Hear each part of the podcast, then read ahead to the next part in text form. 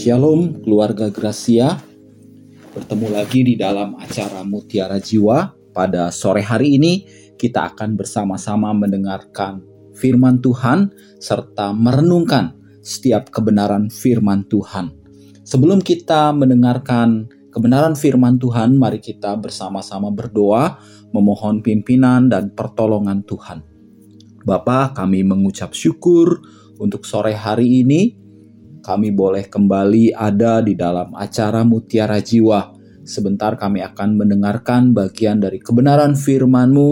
Biarlah kebenaran firman-Mu itu boleh menjadi berkat bagi tiap-tiap kami, membangun hidup kami, menjadi terang bagi jalan kami. Kami menyerahkan waktu ini sepenuhnya ke dalam tangan-Mu, Engkau yang menolong, memimpin kami, mulai dari awal, pertengahan, hingga akhir. Terima kasih Bapa, terpujilah namamu. Hanya di dalam nama Tuhan kami Yesus Kristus, kami mengucap syukur, kami berdoa. Haleluya. Amin. Baik, keluarga Gracia, pada sore hari ini saya akan mengambil satu tema yaitu membangun hidup dengan kebenaran firman Tuhan.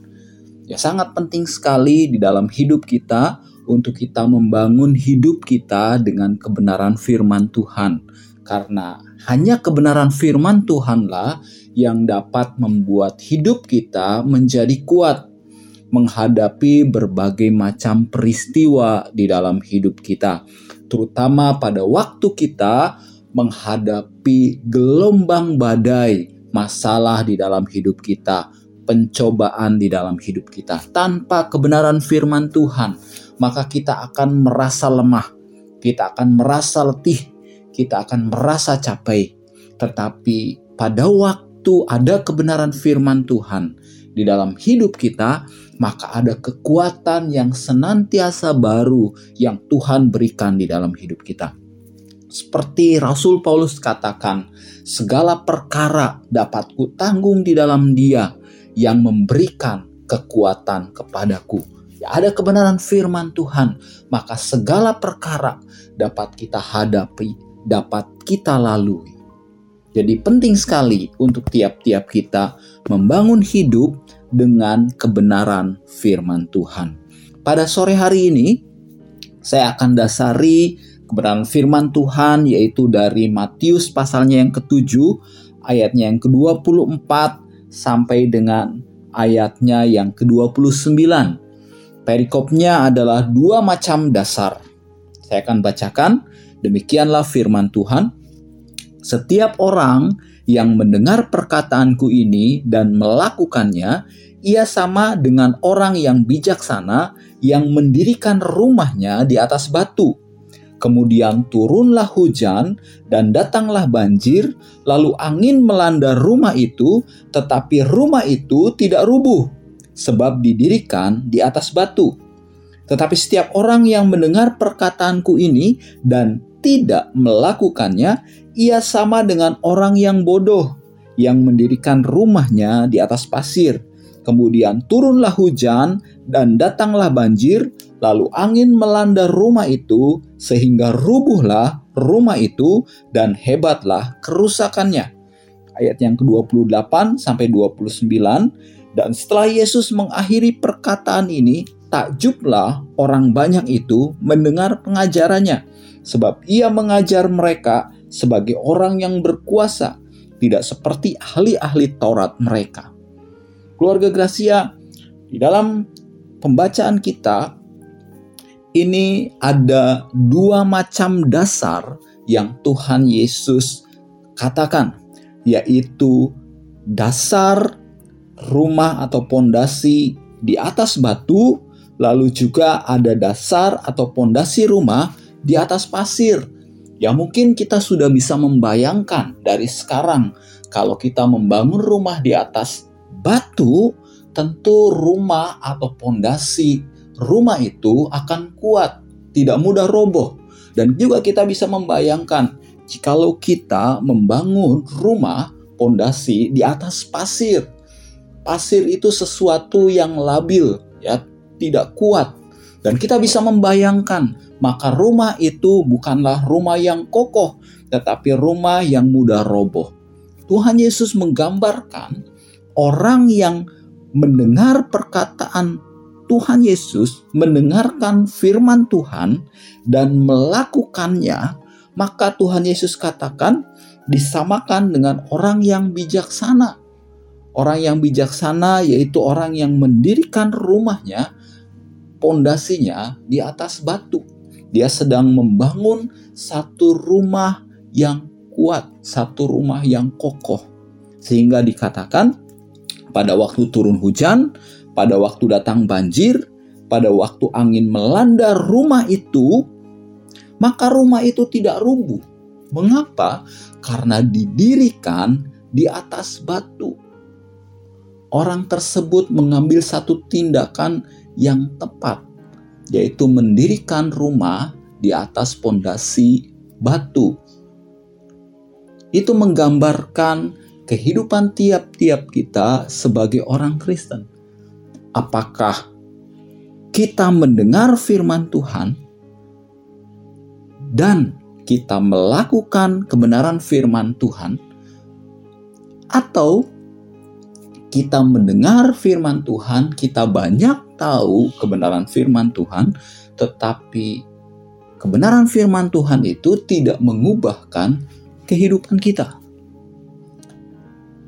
Jadi, penting sekali bagi kita keluarga Gracia karena sering kali kita mendengarkan firman Tuhan dan banyak tahu tentang kebenaran firman Tuhan, tetapi hidup kita, kita merasakan bahwa kita lemah. Kita merasakan bahwa kita ini labil. Mengapa terjadi demikian? Karena kita mendengar, kita tahu banyak firman Tuhan, tetapi itu hanya sekedar ada di dalam pikiran kita, menjadi pengetahuan di dalam hidup kita. Kita tidak pernah mempraktekkan kebenaran firman Tuhan itu. Kita tidak pernah melakukan kebenaran firman Tuhan itu.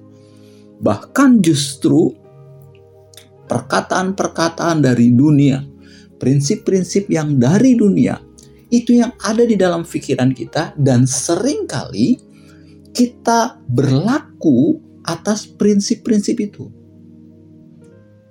Salah satu contoh misalnya tentang pengampunan. Ini satu hal yang sangat lazim dan banyak sekali terjadi.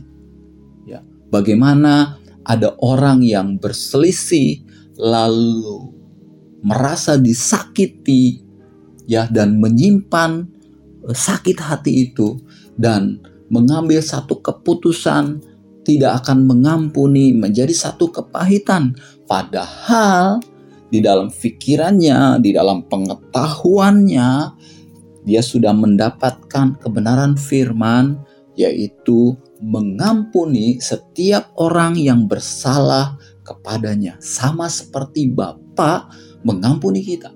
Ya kita pun mengampuni orang yang bersalah. Tetapi karena tidak melakukan kebenaran firman Tuhan, maka kesalahan orang tidak diampuni, tetap disimpan menjadi satu kepahitan yang tinggal di dalam hati. Sudah otomatis dia tidak akan merasakan sukacita damai sejahtera yang seharusnya diterima oleh dia pada waktu dia melakukan kebenaran firman Tuhan. Pada waktu tidak melakukan kebenaran firman Tuhan secara tidak sadar, dia sedang membangun rumah di atas pondasi yang labil, yaitu pasir. Maka tidak heran jikalau seperti yang Tuhan Yesus eh, perumpamakan, jikalau ada hujan, jikalau ada banjir, Jikalau ada angin melanda rumah itu, maka rubuhlah rumah itu. Jikalau ada masalah, jikalau ada persoalan, jikalau ada sesuatu yang datang tidak mengenakan hidupnya, maka rubuhlah rumah itu. Mulai mempertanyakan mengapa ini terjadi di dalam hidupku Tuhan. Mengapa ini Tuhan izinkan? Karena kebenaran firman Tuhan hanya sekedar menjadi pengetahuan tidak dilakukan. Tetapi jikalau kita mau melakukan kebenaran firman Tuhan, seperti contoh tentang pengampunan tadi, pada waktu ada orang yang menyakiti hati kita, maka firman Tuhan di dalam hidup kita, apa yang sudah kita tahu di dalam pikiran kita, menjadi pengetahuan kita, itu akan kita belajar untuk praktekan. Apakah mudah? Memang tidak mudah. Tetapi satu syaratnya, hati kita terbuka dengan firman Tuhan. Mau kita mengatakan kepada diri kita, aku mau melakukan kebenaran firman Tuhan. Firman Tuhan katakan, ampunilah dosa kami, sama seperti kami mengampuni orang yang bersalah kepada kami. Firman Tuhan katakan, ampunilah setiap orang yang bersalah kepada kita. Pada waktu kita katakan mau, ya aku mau, aku mau mengampuni setiap orang yang bersalah. Aku mau mengampuni dia yang bersalah kepada saya. Sama seperti Tuhan sudah mengampuni saya. Pada waktu dia mengatakan itu, maka hatinya dilembutkan, hatinya terbuka. Lalu dia mengampuni bukan dengan kekuatannya sendiri, tetapi karena melakukan kebenaran firman Tuhan, saya percaya Roh Kudus bekerja, memampukan, memberikan kekuatan. Pada waktu ini terjadi, maka dia tanpa disadari sedang membangun rumah di atas pondasi batu. Maka pada waktu datang hujan, pada waktu datang banjir, pada waktu datang angin melanda, pada waktu ada persoalan, pada waktu ada pencobaan yang datang maka rumah itu tetap kokoh, hidupnya tetap kokoh. Mengapa? Karena dibangun di atas kebenaran firman Tuhan. Damai sejahtera tetap memerintah, sukacita tetap memerintah. Bagaimana kita bisa merasakan damai sejahtera? Bagaimana kita dapat merasakan sukacita? Jikalau di dalam hati kita ada rasa dendam, jikalau di dalam hati kita ada rasa kepahitan. Jikalau kita tidak mengampuni orang lain, bagaimana kita bisa merasakan damai sejahtera dan sukacita yang diberikan Tuhan? Mengapa Rasul Paulus mengatakan segala perkara dapat kutanggung di dalam Dia yang memberikan kekuatan kepadaku? Pada Rasul Paulus mengalami aniaya yang luar biasa di setiap kota yang dia masuki pada waktu dia memberitakan Injil. Apakah Rasul Paulus tidak merasakan sakit hati? Apakah Rasul Paulus tidak merasakan kepahitan pada waktu dia dianiaya? Rasul Paulus tidak merasakan sakit hati. Rasul Paulus tidak merasakan kepahitan karena pada waktu dianiaya Rasul Paulus keluar belas kasihan dan pengampunan sama seperti yang difirmankan oleh Tuhan Yesus. Maka di dalam kesusahannya, di dalam kesulitan ada kekuatan yang Tuhan berikan. Maka dia mengatakan segala perkara dapat kutanggung di dalam dia yang memberikan kekuatan kepadaku. Rasul Paulus tidak kehilangan sukacita di saat dia dianiaya. Bahkan dikatakan di saat dia kekurangan. Rasul Paulus tidak kehilangan damai sejahtera pada saat mengalami penganiayaan. Bahkan sukacita. Rasul Paulus katakan bersukacitalah senantiasa. Sekali lagi kukatakan bersukacitalah Rasul Paulus menuliskan itu pada waktu dia ada di dalam penjara. Mengapa bisa terjadi demikian? Karena dia membangun pondasi di atas batu karang dengan me melakukan kebenaran firman Tuhan. Demikian juga dengan kehidupan kita keluarga Gracia.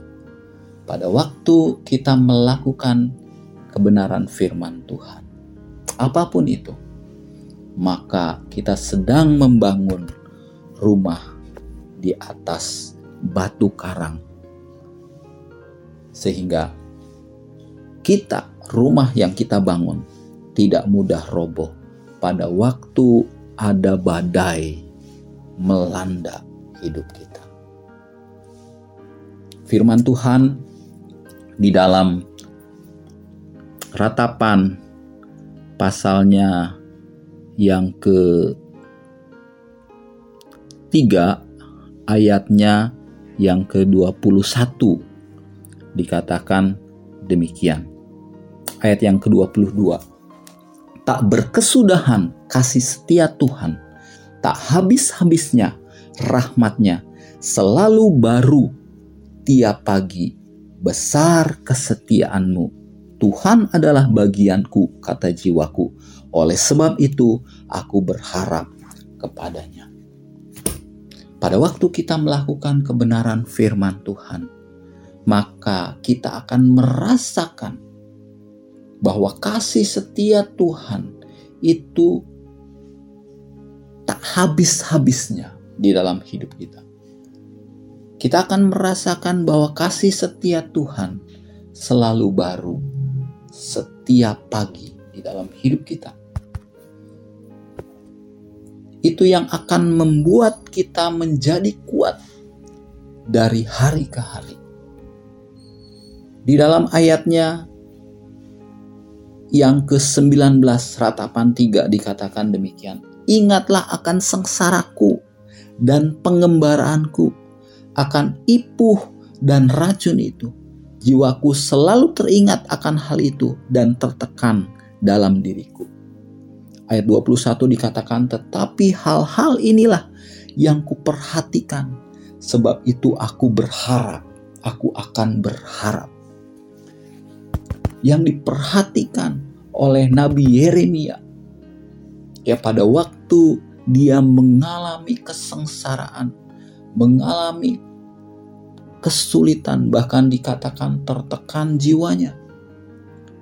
Yang diingat oleh Nabi Yeremia adalah kasih setia. Nabi Yeremia sedang membangun satu rumah dengan pondasi yang kuat. Dia sedang melakukan kebenaran firman Tuhan.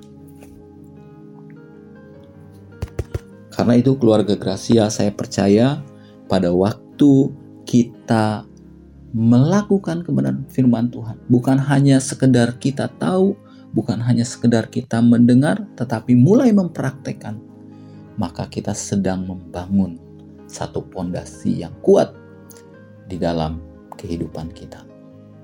Ya, di tahun 2023 ada banyak orang yang berkata ini bukan tahun yang mudah tetapi saya percaya, jikalau kita bersama-sama dengan Tuhan, kita membangun diri kita dengan kebenaran firman Tuhan. Saya percaya kita akan senantiasa mendapatkan kekuatan yang baru dari hari ke hari.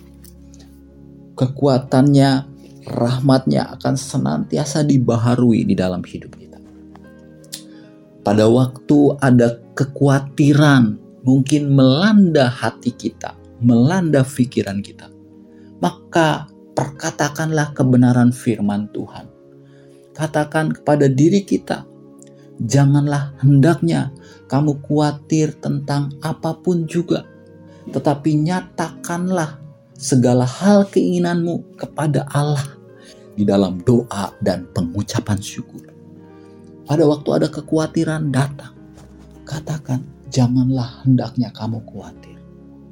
Lalu praktekkan firman Tuhan.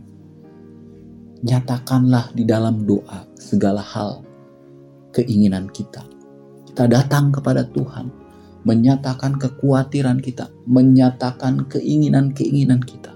Lalu kita akhiri dengan ucapan syukur. Maka janji firman Tuhan mengatakan, maka damai sejahtera Allah yang melampaui segala akal akan memelihara hati dan pikiranmu di dalam Kristus Yesus. Mulai mempraktekkan kebenaran firman Tuhan. Kita tidak lagi tinggal di dalam kekhawatiran. Kita tidak lagi tinggal di dalam ketakutan. Jikalau ada ketakutan, katakan kepada jiwa kita, pada diri kita, jangan takut. Sebab Tuhan beserta dengan kita. Jikalau Tuhan beserta dengan kita, siapakah yang akan menjadi lawan kita?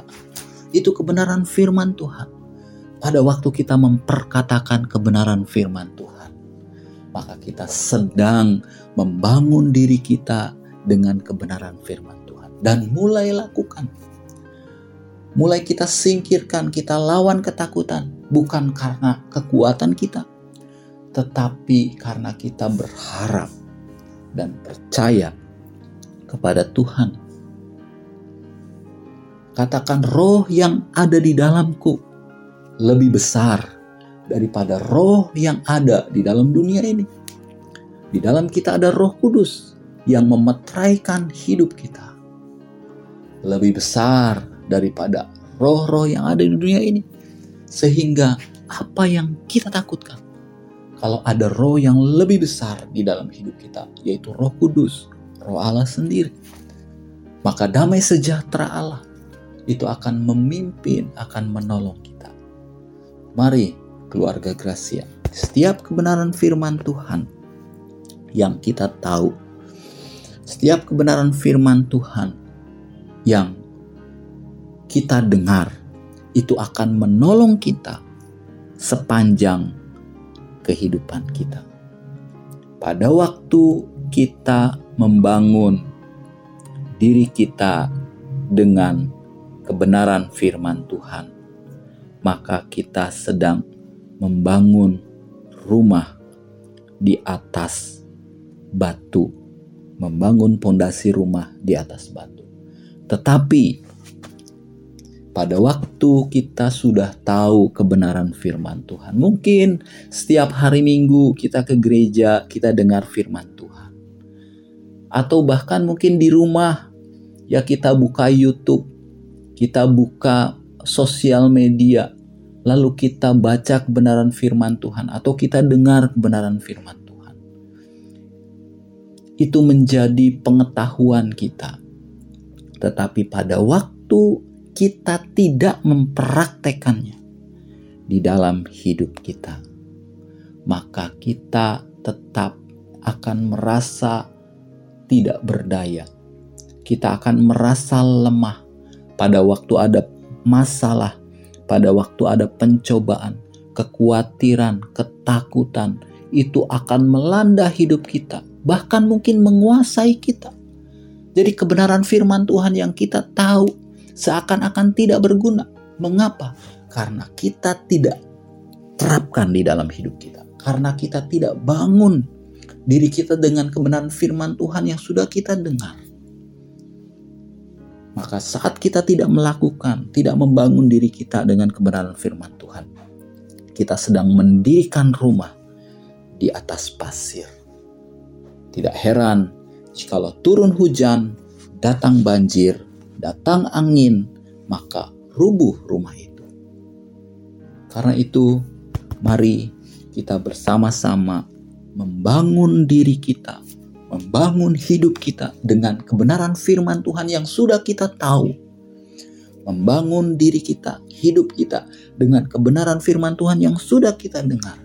Tidak hanya sekedar kita dengar, tetapi mulai kita praktekkan di dalam kehidupan sehari-hari. Saya percaya dalam mengarungi tahun 2023 dengan kebenaran firman Tuhan, kita akan tetap kuat bahkan semakin kuat. Seperti firman Tuhan katakan, dia tidak menjadi lelah, dia tidak menjadi letih, tetapi akan berjalan makin lama makin kuat untuk menghadap Tuhan di Sion. Haleluya. Amin. Baik keluarga Gracia, kita sudah mendengarkan kebenaran firman Tuhan. Sebelum kita mengakhiri acara Mutiara Jiwa pada sore hari ini, mari kita berdoa, kita mengucap syukur kepada Tuhan. Bapa kami mengucap syukur kepada Engkau jikalau pada sore hari ini kami boleh mendengarkan kebenaran firman Tuhan. Biarlah kami boleh belajar untuk tidak hanya mendengar, untuk tidak hanya tahu kebenaran firman-Mu, tetapi kami tidak terapkan di dalam hidup kami. Biarlah kami boleh belajar membangun diri kami dengan kebenaran firman-Mu. Pada waktu kami mendengar, kami boleh belajar untuk melakukannya. Karena kami percaya pada waktu kami melakukannya, maka kami sedang membangun di atas batu karang.